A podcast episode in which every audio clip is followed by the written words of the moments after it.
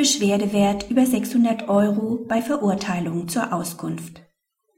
Die notwendigen Kosten einer anwaltlichen Verteidigung müssen sich im Beschwerdewert gemäß 511 Absatz 2 Nummer 1 ZPU wiederfinden, falls eine nicht vollstreckungsfähige Verurteilung zur Auskunftserteilung erfolgt ist. Dies kann zu einem Beschwerdewert über 600 Euro führen.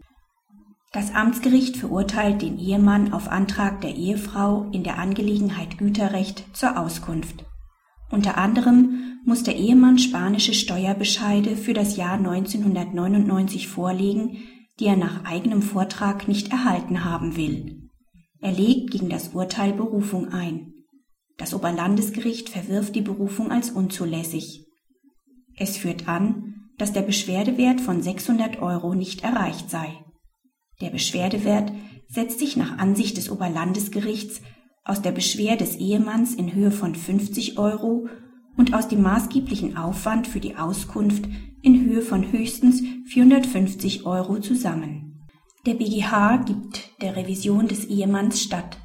Zum Beschwerdewert hätte noch der zu erwartende Kostenaufwand des Ehemanns für die Abwehr von Vollstreckungsversuchen hinzugerechnet werden müssen. Der Ehemann wurde schließlich vom Amtsgericht zur Vorlage nicht vorliegender Steuerbescheide aus Spanien verurteilt und damit zu einer unmöglichen Leistung. Die Erklärung der Ehefrau in zweiter Instanz, sie werde nicht vollstrecken, hat für die Berechnung des Beschwerdewerts keine Bedeutung. Maßgebender Zeitpunkt für die Berechnung des Werts als Zulässigkeitsvoraussetzung ist der Zeitpunkt der Einlegung der Berufung. Zum Zeitpunkt der Berufungseinlegung lag eine entsprechende Erklärung der Ehefrau nicht vor. Praxishinweis ein Auskunftsurteil ist als nicht vertretbare Handlung gemäß 888 ZPO durch Anordnung von Zwangsgeld oder Zwangshaft zu vollstrecken. Eine Vollstreckung nach 887 ZPO in Form einer Ersatzvornahme kommt dagegen nicht in Frage